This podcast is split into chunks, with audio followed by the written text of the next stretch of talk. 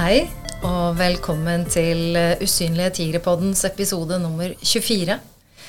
Denne gangen skal vi ha et tema som eh, gjør veldig mange mennesker opprørt rundt i Norge i dag og alle andre dager i året. Vi skal snakke om eh, foreldre som sitter med hjertet i hånda og er veldig bekymra for eh, ungdommene sine som eh, ruser seg, og hvor man rett og slett ikke vet hva gjør jeg nå. Eh, I dag har jeg med meg tre personer som eh, alle har sin erfaring med denne problematikken. Aller eh, først og fremst så har jeg med Aina Gilje, som var med å starte Usynlige tigre i 2019. Hun har opplevd dette her. Og eh, jeg vil eh, spørre deg allerede nå, Aina. Hvordan var det først og fremst å oppdage at dere hadde et rusproblem i familien? Først så var det et eh, stort sjokk. For jeg tenkte ikke at han gutten skulle komme borti rus noen gang. Han var liksom altfor ordentlig og Ja, det var ikke han jeg var redd for. Og så begynte jeg jo å lure, for han nekta jo i starten. Så jeg visste ikke helt om jeg skulle tro på han, eller om jeg skulle følge magefølelsen. Men det var Verden falt jo i grus. Det er jo den store Det var i hvert fall den store skrekken at uh, ungen dine skal begynne å ruse seg. For meg var det helt det verste som kunne skje. Vi skal komme tilbake til uh, historien din og deres. I tillegg uh, så har jeg med meg Randi Drisen Martinsen. Du er kan-mag og sosionom med videreutdanning i rusforebygging.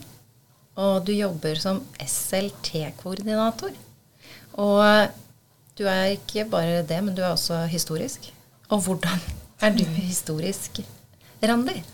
Det jeg er historisk på, er vel at jeg er eh, en av de som har jobbet lengst som SLT-koordinator. Fordi jeg startet jo i bydel Frogner i Oslo i 2004 som en av de første. da. Så jeg har jo nesten hatt den jobben i ja, det blir vel 18 år, da. Og hva, hva er SLT-koordinator? Hva i alle dager, hva dreier det seg om? SLT står jo for samordning av lokale kriminalitetsforebyggende tjenester. Så det er eh, en koordinatorstilling hvor man samordner de som jobber med ungdom for å forebygge rus og kriminalitet. Dette er jo et samarbeid mellom politidistriktene og kommunene. Fint. Jeg har vært så heldig at du kommer sammen med en du kjenner ganske godt. For dere har jobba sammen en stund. Og Solveig Kjesrud, politioverbetjent og politikontakt for Nordre Follo kommune. Hva er grunnen til at dere to har jobba så mye sammen og kjenner hverandre? Ja, altså vi møtte hverandre Vi er jo litt uenige om det, om det er 2018 eller 2019. Du mener 2018, jeg mener 2019. Eh, men siden da så har vi hatt et veldig godt og nært samarbeid. Eh, jeg sammenligner min rolle som politikontakt i politiet med en slags SLT-koordinatorrolle. Vi gjør på en måte det samme. Vi er eh, en liaison som binder kommunen og politiet sammen, og vi jobber med forebygging. Eh, jeg jobber også med forebygging barn og ungdom, men jeg jobber også med forebygging altså svindel mot eldre, menneskehandel, alle mulige områder. Forebygge kriminalitet. Og i dette her, når, eh, når foreldre som Aina da plutselig oppdager at, eh, at det er rus, eh, noe som skjer hjemme som man ikke hadde planlagt altså det, Og det planlegger jo ikke de som prøver ut rusmidler heller. Ingen som planlegger å snu sitt eget eller familiens liv opp ned når du prøver ut noe sånt. Men uh, de som er berørt av andres rusbruk, er jo en veldig stor gruppe i Norge. Og de er veldig usynlige. Og for hver person som ruser seg så mye at det er et problem, så er det, sier ARA, altså Avdeling for rus og avhengighet, sier at det er mellom fire til ti personer rundt som blir prega. Så det er mange som kjenner på det, og inni denne gruppa her også, så er det jo veldig vanlig å kjenne på skam og tabu. Og det er mye stigma rundt det også. Det gjør at dette holdes veldig ofte skjult. Og nettopp derfor er det så viktig å se på sånn som Aina, da. Hva skjedde med deg, og hva skjedde med dere da, da, da dette var et faktum, og dere Hvordan hadde du det? Altså, klar, hvordan skulle du håndtere livet? Jeg gikk egentlig ned for telling i det øyeblikket jeg fant det ut. Eh, jeg var ikke på jobb på jeg tror åtte måneder etterpå fra når jeg fant det ut. Da ble det altoppslukende, og jeg skulle jo bare fikse. Jeg skulle jo bare ordne, sånn som jeg var vant til å gjøre. Men det var ikke så lett å fikse det når vedkommende ikke syntes de hadde noe problem og bare var hysterisk. Men eh, nei, det sov lite, spiste lite. Lillebror gikk jo litt for lut og kaldt vann en periode. Selv om du prøver å ta vare på alle. Rett og slett en eh, livskrise som bare ja, slo ned i, i heimen uten at, uten at vi var forberedt. Også så veldig ensom. Fordi at i starten du føler deg ikke som verdens beste mamma. Som du snakker om med skam og sånne ting. Og i starten så var jeg veldig sånn at ok, dette skal vi ordne. Og da involverer du ikke alle i hele verden. For da tenker du ok, dette skal vi ordne innad i familien. Og tenke litt på han som ruser seg, at du skal beskytte litt. da. Så er det flaut. Det er jo det. Eh, så da, da, blir du gående veldig Iallfall gjorde jeg det. Veldig aleine med alt. Selv om jeg hadde en mann, har en mann. eh, og vi var jo samkjørt, men eh, mot resten av verden, på en måte. Og alt dreide seg om akkurat det med rusen. Og midt oppi dette her, dette skal vi fikse, sier du. Hva, hva gjorde dere for å prøve å fikse dette her?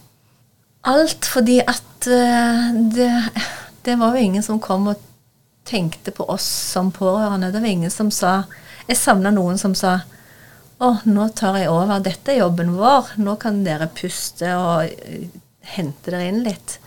Nei da, det var oss som måtte ha møter med ARA, lege, barnevern, BUP, skole. Vi måtte ha møtene. Måtte være i møtene, vi måtte informere de ulike instansene. Det var ingen som koordinerte dette. Så det var det jeg som gjorde. For min mann var på jobb, for det var hans eh, pusterom. Det var å komme på jobb. Mens jeg var den som skulle fikse. Og det trodde jeg jeg skulle klare. Og det tror jo veldig mange. Ja. Det er jo det første man tenker på. Mm -hmm. Det her skal vi fikse. Ja dette her skal vi ordne, og dette skal vi fikse. Mm. Ja. Og så skjer det jo for en del at man på en eller annen måte forstår at det her, det har jeg ikke kontroll på. Mm. Skjedde det med deg? Det gikk en stund før jeg skjønte at dette måtte noen andre fikse. Noen som hadde gått en annen skole enn meg. Mm. Eh, måtte ta over. For det første så kan de det, og vi var jo for nære. Det er jo ikke meningen at vi skal fikse sånne ting. Eh, så vi skjønte det etter en stund, at det her må noen andre inn og overta. Og underveis der, eh, på denne reisen som da varer for noen ja, Det er ikke godt å si hvor lang tid den reisen skal vare, men for noen kan den jo vare et år, to år. For noen kan jo den reisen vare i 10, mm. 20, 30 eller 40 år. Mm. Med litt fokus på, på, deg og din mann. Fikk dere noe hjelp? Nei. Jeg vil si nei. Vi hadde et tilbud eh, hos Ara etter jeg hadde grenet meg til det. Men eh, det ble bare feil. Når vi hadde en sønn som var i aktiv rus, og vi lurte på om han levde, og så skulle vi sitte på Ara og snakke om verdiene vi hadde hjemme hos oss. Det bare ble så feil at det var ikke det vi trengte der og da. Så det var vel den eneste gangen vi prata med noen om det. Og fordi jeg fikk lov til å bli kjent med din mann Mhm. og din sønn eh, en dag eh, på et foredrag, eh, så fikk jo jeg hører om Fossum-kollektivet, Ja. som hadde et ordentlig pårørendearbeid. Virkelig.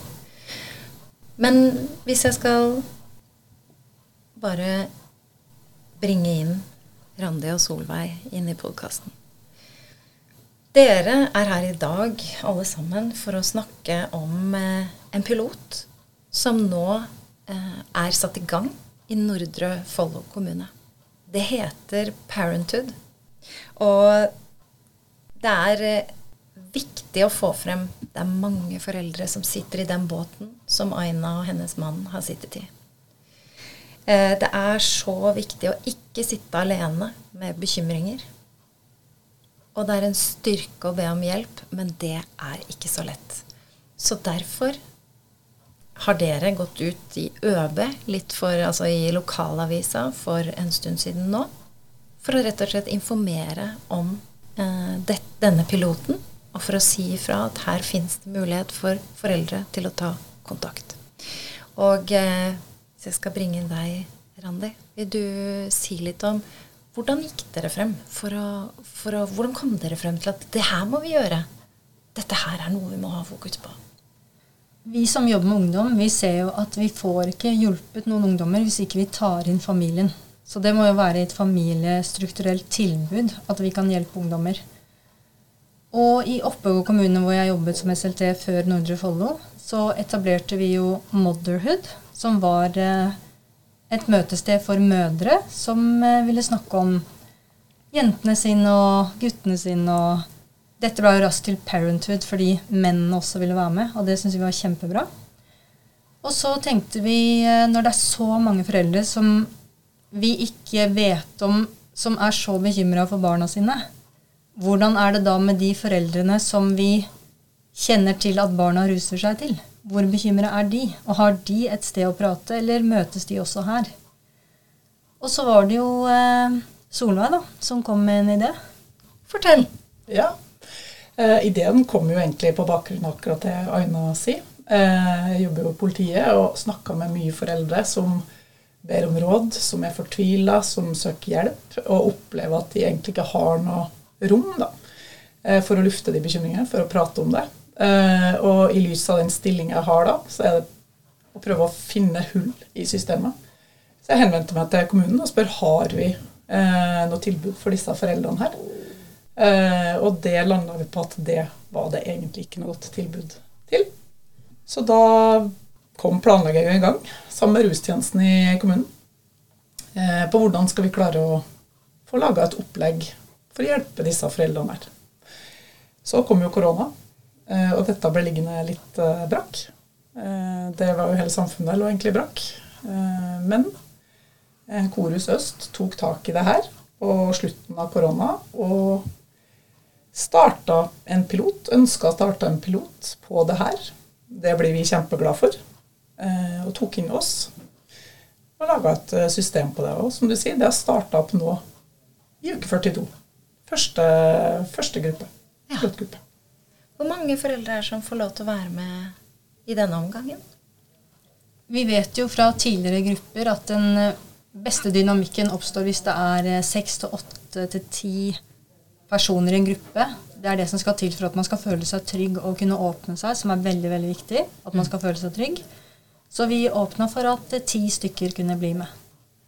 Og hvordan var responsen etter at dere fikk en artikkel som Det er ganske mange artikler i lokalaviser som ligger lukket, og det er for at vi skal abonnere på de avisene.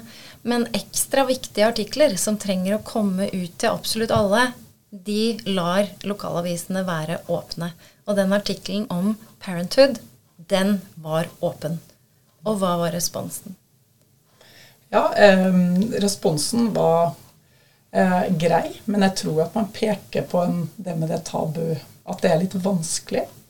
Eh, så det var nok til å starte en gruppe. Eh, vi hadde kanskje tenkt, eller håpa at det skulle være flere. Jeg tror ikke det er fordi behovet ikke er der. Jeg tror det er fordi at det er vanskelig å, å ta kontakt. Det er en terskel for veldig mange. Eh, men jeg håper jo, og tror, at hvis det her noe jeg er helt sikker på at det blir, et permanent tilbud i kommunen. Så når det blir mer kjent, mer trygt, eh, kanskje man får noen som forteller om sin opplevelse av det her, så tror jeg det her blir kjempepopulært. Det har jo vist seg på andre typer sånne grupper, Motherhood og Parenthood f.eks. Og hvis jeg har skjønt riktig, så er det faktisk ikke bare Nordre Follo som har det som eh, en pilot. Det er flere kommuner også. Stemmer det? Ja, det er jo eh, Hamar kommune og Stange. Er det Stangehjelpa, mener jeg, som eh, er med. Ringsaker og Løten. Så dette er et helt nytt tilbud som nå flere skjønner at det er behov for. Og, og liksom det der med et pusterom. Altså et pusterom for foreldre til unge med rusutfordringer. Fordi, hvis jeg skal bringe deg, Aina, igjen det, Dere var med inn i en, i en uh, samtale eller en uh, Ja, dere, dere, ble med for å gi innspill til dette, denne piloten.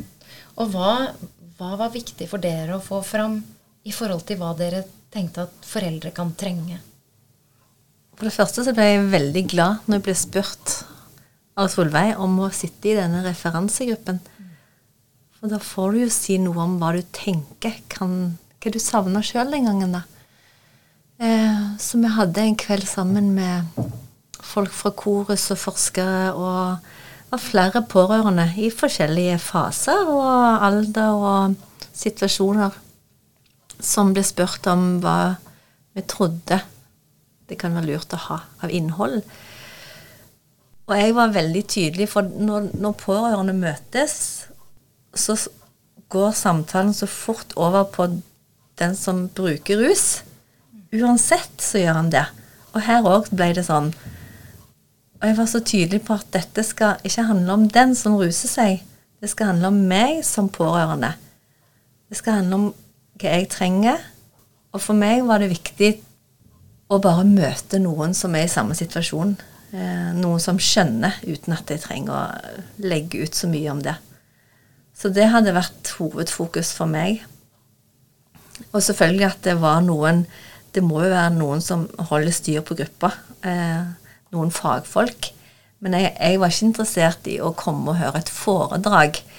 Verken om forskjellige typer rus eller sånn, men mer om selvfølgelig litt faglig, men mest av alt å kunne dele at akkurat nå står jeg i det. Og så hører jeg andre tenke om det. Uten å gi råd, men bare komme med sine erfaringer, da. Mm. Så det var vel mitt viktigste innspill. Det var bare å få hele veien fokus over på pårørende. For det er vanskelig. Vi mm. tenker på de som ruser seg. Det er de vi er bekymra for. Mm. Feste sin egen oksygenmaske først. Ja, ja fordi det, akkurat det der er jo eh, en Altså, ingen kan forestille seg hvordan det er da. Man frykter jo, det er som du sier, det var det verste som kunne skje. At uh, ungen din ruser seg så mye at uh, vi som står rundt, forstår at det begynner å prege hele livet og mm. valgene som vår ungdom tar. På tid og energi og krefter og hvordan man bruker livet sitt. Da. Det dreier i en feil retning. Og så er det jo ikke sikkert at ungdommene selv opplever at det er noe problem. Mener jo at de har full kontroll. Og her kan det jo være studier, og det kan være litt av hvert. Og man kan si nei, men jeg skal jo ikke, jeg skal jo ikke på skolen før klokka midt på dagen i morgen, så at jeg er oppe hele natta, det trenger jo ikke dere å tenke på. Eller hva jeg gjør. Dette her var jo ikke noe problem før dere begynte å blande dere oppi dette her. Hvordan Altså, midt oppi dette her eh, Du har vært ute og snakka med foreldre, Solveig. Og, og, og, din opplevelse av foreldre som står midt oppi dette, hvordan er det? Ja, det er, For det første så er det veldig ulikt. Eh, foreldre er veldig ulike. Men litt felles for de er at veldig mange kjenner på en litt sånn uh, rådvillhet. Uh, litt, litt, håpløshet til tider i forhold til at hvor Litt som Anna sier, da. Hvor, hvor, kan jeg få hjelp, hvor kan jeg få råd? veldig mange vil ha en fasit og ber kanskje politiet om hjelp. Men det er jo begrensa hva vi kan bidra med også. derfor så tenker jeg at et sånn type ja, du kalte det et pusterom. Det er jo en grunn det det er. At det er så viktig for det å fjerne skammen rundt det. Da. For mange er veldig flaue. Man ønsker ikke um, Og det er ikke fordi man er opptatt av fasade, tror jeg, men det er, det er skummelt å lette på det sløret og fortelle at ting er ikke sånn som det kanskje bør være i vår familie. Jeg tror det er veldig skummelt for mange. Og det å oppleve da at man ikke er aleine, for dette gjelder ganske mange, flere enn man tror, tror jeg. Eh, at man trøbler med det og syns det er tungt, det tror jeg kan være så innmari nyttig. Og det, det trenger ikke å handle om rus, det kan handle om mye annet òg. Står man i et annet og finner et fellesskap, så tror jeg det kan være veldig mye hjelp. Mm. Og støtte, ikke minst. Ja, og som du sier, dette vet jo vi, Aina, det finnes ingen oppskrift. Det finnes ingen fasit på det å være pårørende. Man, man må finne sin vei. Og det er jo det som er det vanskelige. Fordi du går rundt og er livredd og i alarmberedskap og bare tenker konsekvensene. Hva kan bli konsekvensene av dette her? Og vel vitende om at man kan prøve så godt man kan å kontrollere en annen person. Eller å endre en annen person. Man kan virkelig prøve alt man, alt man kan. Og gå hele veien, alle mulige Bruke alle midler. Men det er ikke gitt at du lykkes med det. Randi, det må være altså erfarne fagpersoner på en måte inviteres inn eh, i, i, Parenthood. Hva f.eks. bringer de inn av, eh, av, kunnskap og erfaring som deles? Jeg tenker det som er veldig viktig, er å bringe inn eh, kunnskap om verktøy man kan bruke for å stå i den rollen som pårørende. Ting som kan hjelpe deg litt og roe deg litt på at du har vært Du har gjort alt du kan. Det er ikke noe med din innsats som gjør at uh, ting skjer. Fordi ungdommene er veldig unge og uredde. Hjernen er ikke ferdig utvikla. De har ikke den risikoanalysen. Og det å bli trygga på at man har gjort alt rett, og man har prøvd alt og bare kunne hvile i det, det tenker jeg er veldig viktig at fagfolk kommer og sier, også folk som har jobbet i 20 år og sett veldig mye. Det er veldig mye likt, da. Og vi har jo, vi jo lagd ulike podkaster tidligere. Eh, blant annet eh, en med Vigdis og Oda. Eh, en mor og en datter. Eh, som var også i Fossum-kollektivet. Eh, og det nettverket som man der får, fordi Fossum-kollektivet er et av de få eh, behandlingstilbudene som har et eh, ordentlig familieopplegg. Det gjorde noe med hele familien, fordi man får lov til å se seg selv som en del av hele behandlingen. At man selv også får være en av eh, de som får behandling, rett og slett. For Aina, hva, hvordan var det for deg å få lov til å komme inn i det pårørendearbeidet til Fossum-kollektivet, hvor du poenget her er nettverket? Første gang var det kjempeskummelt. Og jeg reiste der og tenkte oi, nå skal jeg møte mange rare folk. Full av fordommer. og så kom de. Så var det bare helt vanlige foreldre som oss. Helt vanlig, flott ungdom. Da når vi satt i mammagrupper og deler, og, og alle skjønner akkurat hvordan du har det, det, det helt det går ikke an å beskrive hva som skjer i sånne grupper. Eh, det er vanskelig å forklare, men eh, du får bekreftelse på at du er mer normal enn du kanskje tenker sjøl, oppi det hele. Når situasjonen har blitt så, så unormal som den har blitt. Og det går an å le av ting og Nei, det er egentlig en livsviktig arena når det står på som verst. Og det var jo der jeg lærte hvor viktig det var for meg å sitte og dele, eller bare høre på andre. eh, det fellesskapet som oppstår med folk du aldri har sett før, som du deler ting med, som eh, du blir så personlig.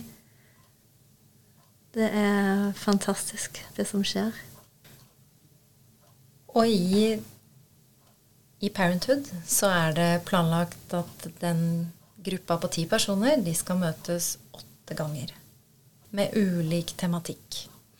Og eh, f.eks. det der med å være i berg-og-dal-bane. Du har jobba så lenge med dette, Randi. Så det, hva, skjer, hva er det med dette berg-og-dal-bane-greiene? Hva skjer med disse foreldrene? De er gått altså på en berg-og-dal-bane de ikke har kjøpt billett til. Men hva ser du skjer med foreldrene som står i dette over tid? Jeg kan se veldig ofte at foreldrene virkelig står på, fikser, men de tenker ikke på seg selv. Og det klarer de ganske lenge, men det er jo en prosess.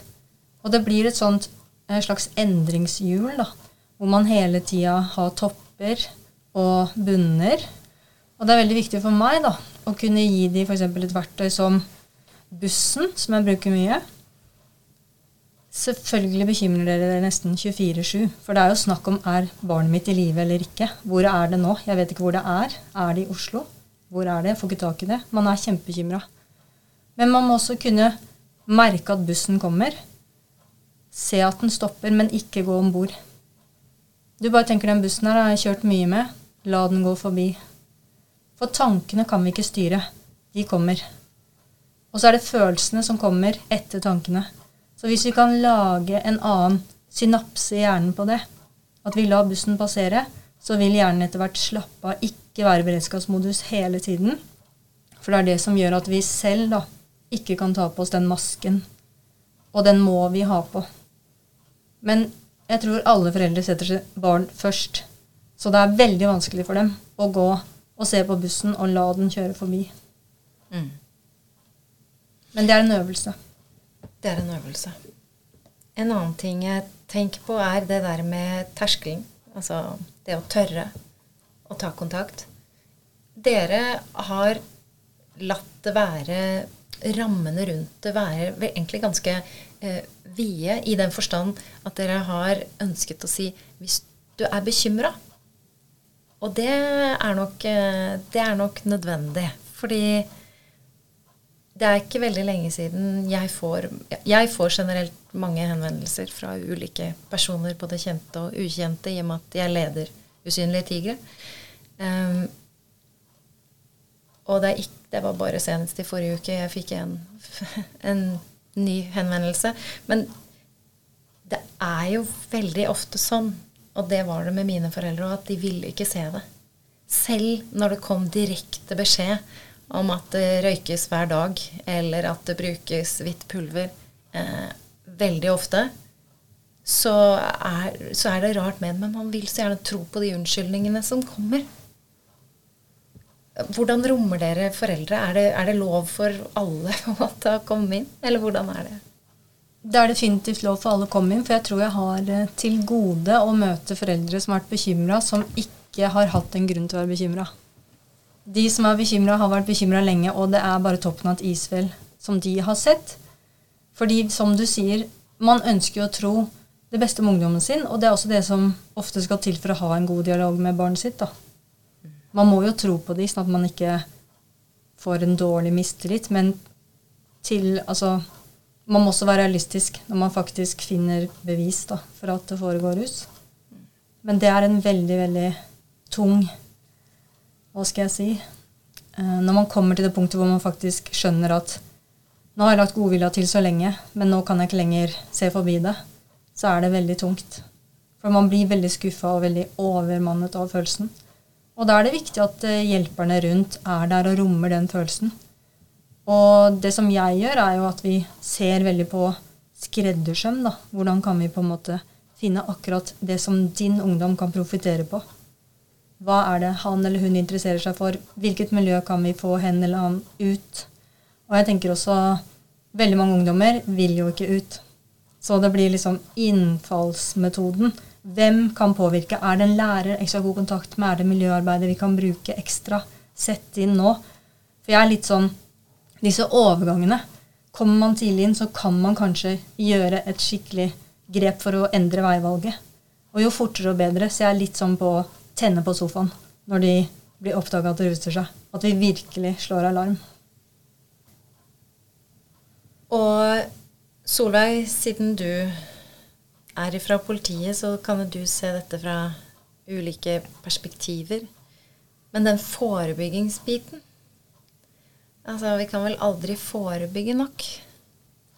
Nei, det kan vi jo ikke. Eh, og politiet da i øst, som jeg jobber, vi har forebygging som hovedstrategi.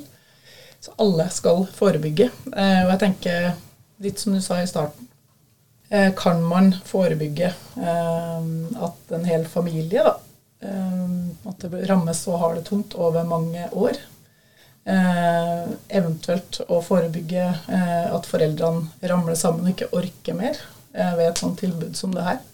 Så tenker jeg da da har man gjort noe riktig. Eh, og det er jo kanskje litt av drivkraften min å jobbe i politiet og ha det hjelpeblikket. da, Å jobbe forebyggende. For det, det føles utrolig meningsfullt å, kunne kanskje være med på å gjøre en forskjell. Det er jo naturlig forebygging. Vi får aldri få svar på det. Men å kanskje kunne gjort en forskjell, det er ekstremt viktig når jeg går på jobb. altså. Og, og uten, Vi skal ikke gå i detaljer, men jeg vil anta at det Fordi vi har jo snakka litt før vi gikk inn i studio her. Men eh, at det fins eh, foreldre der ute som kommer og ser deg i øya og takker for den innsatsen dere gjør. Ja. Det har skjedd. Både på rusfeltet og, og andre. Det er måte det er viktig. Jeg tenker vi er også en viktig brikke i det å på en måte gjøre sånn at foreldrene ikke føler at de står alene. At det er ikke bare de som tenker og føler og har de bekymringene her. At det er flere. Og det å fjerne den skammen det potensielt kan være for noen, der kan også vi bidra, tenker jeg. Mm. Og så er det jo sånn at uh, rusproblemer det kan skje i absolutt alle familier. Så når NKS veiledningssenter eh, hjelper ulike mennesker, så finnes det jo både folk fra barnevern og politi og overleger, og det er fra alle yrker kommer det jo eh, pårørende foreldre og søsken for å få hjelp, og i andre relasjoner også. Det er viktig å få med at eh, tilbudet Parenthood, det er gratis. Og at eh, man ikke trenger å på en måte ha noe kunnskap eller noen ting eh, i forkant. Og taushetsplikt. Altså det som blir sagt inne i gruppa, det blir i gruppa. Og det ser vi også på de treffene vi har på Er kaffe. Hvor viktig det er at vi har kommet frem til noen regler. Eh, at vi ikke skal fortelle noen andre hvordan de skal leve sine liv ut ifra hva vi selv har gjort. Man kan gjerne dele av egen erfaring, eh, men ikke si du burde gjøre sånn og sånn, altså. Fordi det fins ikke. Ja, der har du lyst til å kommentere. Vær så god. Ja, jeg tenker det er viktig å spesifisere at det heter Parenthood rus, akkurat mm. dette gruppetilbudet. Fordi Parenthood er jo eh, åpent for alle foreldre, også de som ikke bekymrer seg for rus, men bare vil snakke om ungdommene sine. Mens dette er spesifikt for de som bekymrer seg for rus. Fint. Bra du presiserer. Veldig fint. det kan jo være det er noen som sitter rundt omkring nå, eh, enten som jobber i kommuner, eller som er foreldre selv. Og akkurat dette tilbudet, Parenthood Rus eh, i Nordre Follo, hva var kriteriet for å få lov til å bli med her? Ja, det er ikke mange. Det er som Randi sa, at eh, man har en bekymring for rus. At man bor i Nordre Follo, og at man har en ungdom mellom 15 og 25 år. Dette kan jo være til inspirasjon for andre kommuner også. Men det er jo selvfølgelig aldri helt gratis. Så hvordan får man til dette her? Det, er det noen som må ha kunnskap om å søke midler, eller? Vi har jo et veldig godt samarbeid med næringslivet i eh, Nordre Follo i mange prosjekter. Og vi er veldig opptatt av samskaping i Nordre Follo. At man bruker forskjellige tjenester og lager noe sammen. Så her har vi jo plukket ressurser fra Nav, fra Utekontakten, fra forskjellige aktører som vi jobber sammen med. Og så bestiller vi pizza. Altså det er litt sånn Det er ikke veldig dyrt, men man må jo ha lokalene. Jeg er alltid veldig opptatt av å ha mat, da. Det er veldig viktig. Ja. Så at man kan slappe av litt. Ja. Og, eh, så det koster ikke mer enn ressursene man bruker, faktisk. Men det fins jo veldig mange som støtter sånne gode tiltak, så det er ikke vanskelig å få penger til en sånn gruppe. Veldig flott. Og nå begynner vi å nærme oss avrunding. Eh, og hvis Jeg må jo nesten spørre deg, Aina, fordi du var med på noe som ikke har vært arrangert før. Eh, det var du med på fra 1. til 3. juli i år, og det het Tiger Campus 2022. Hva var Tiger Campus, og hva, når du vet og blir kjent med de som var med der, hva, hva betydde det for eh, flere av de som var med? Jeg tror at mange av de Det var jo for pårørende innen rus. Og jeg tror at mange av de, i hvert fall de jeg møtte, aldri hadde før sittet sammen med andre pårørende og delt. Eh, fordi at de har noen som ruser seg, som aldri har vært i behandling. Som kanskje ikke er interessert i å slutte med rus. Så de pårørende hadde holdt på i årevis og vært aleine. Og så ble vi da sittende i sånne grupper eh, og dele og prate. Og det, det er bare livsviktig for de det gjelder, som aldri har fått muligheten til å gjøre det. Og som aldri, som ikke har muligheten sånn som dette Parenthood Rus, som ikke har noe tilbud hjemme. Fordi Norge er et langstrakt land, og i små bygder så er det jo til og med vanskelig for pårørende å møtes, fordi at de er redd for at noen skal se at bilen står utenfor det lokalet som man eh, møtes i. For da kan jo bygdedyret sette i gang. Eh, så skammen, den eh, er ganske eh, tilstedeværende for mange. Hva er det viktig at hjelpeapparatet, politikere, alle fokuserer på i forhold til det med foreldrerollen når du er eh, foreldre til noen som ruser seg så mye at det preger ikke bare deres eget liv, men også livet til de rundt. Og da skal dere få lov til å svare begge to. Kan du starte, Solveig. Ja, jeg tenker at eh, foreldrene er alfa og omega. Eh, De er de viktigste støttespillerne, nå snakker jeg for oss i politiet, når vi skal inn og jobbe med en ungdom f.eks. Å ha god relasjon til disse foreldrene og støtte og hjelpe de, så de orker å stå i det. Så de eh, eh, får den hjelpa de trenger, får den informasjonen de trenger. Eh, det funker ikke hvis vi ikke eh, hva skal jeg si, har foreldrene på laget. Så det tenker jeg, det er ikke bare politiet, men ja, som du sier, politikere, støtteapparat, alle. Eh, foreldrene, vi må ha fokus på å støtte de. Eh, Så de orker å stå eh, i bekymringer. Med hjelp. Med hjelp, ja. Mm. Har du lyst til å legge til noe der, Randi? Ja, eh, det viktigste for eh, meg da, når jeg jobber med foreldre og ungdom, det er å spørre hva trenger du? For jeg kan sitte her og ja, ja, jeg vet veldig godt hva du trenger på en måte å gi råd og sånn, men det kan feile helt fullstendig. Jeg vet ikke alt. Så det er ungdommen eller foreldrene som må si til meg hva de trenger. Og så må jeg faktisk bare rette meg etter det. For det er den som hva heter det, har skoen på, som vet hvor den trykker. Ja. Veldig fint. Aina, du er en del av oss som starta Usynlige tigre, og har fått kjenne på hva nettverk kan bety. Og en ting jeg husker, som flere sa Dette her har reddet eh, livet mitt. Og du har jo også fått noen relasjoner som varer videre. Gjør det ikke det? Jo, mange. Du møter folk på veldig Når de er sårbare og litt sånn nakne og redde, og du blir kjent på et annet nivå. Jeg vet ikke hvor de liker å reise på ferie, eller om de har katt eller hund. Det aner jeg ikke, men jeg vet så mye mer om de.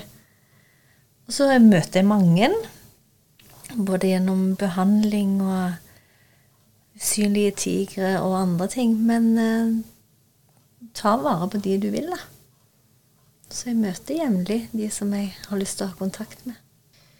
et viktig pilotprosjekt som, eh, som vi er veldig spent på å følge med på.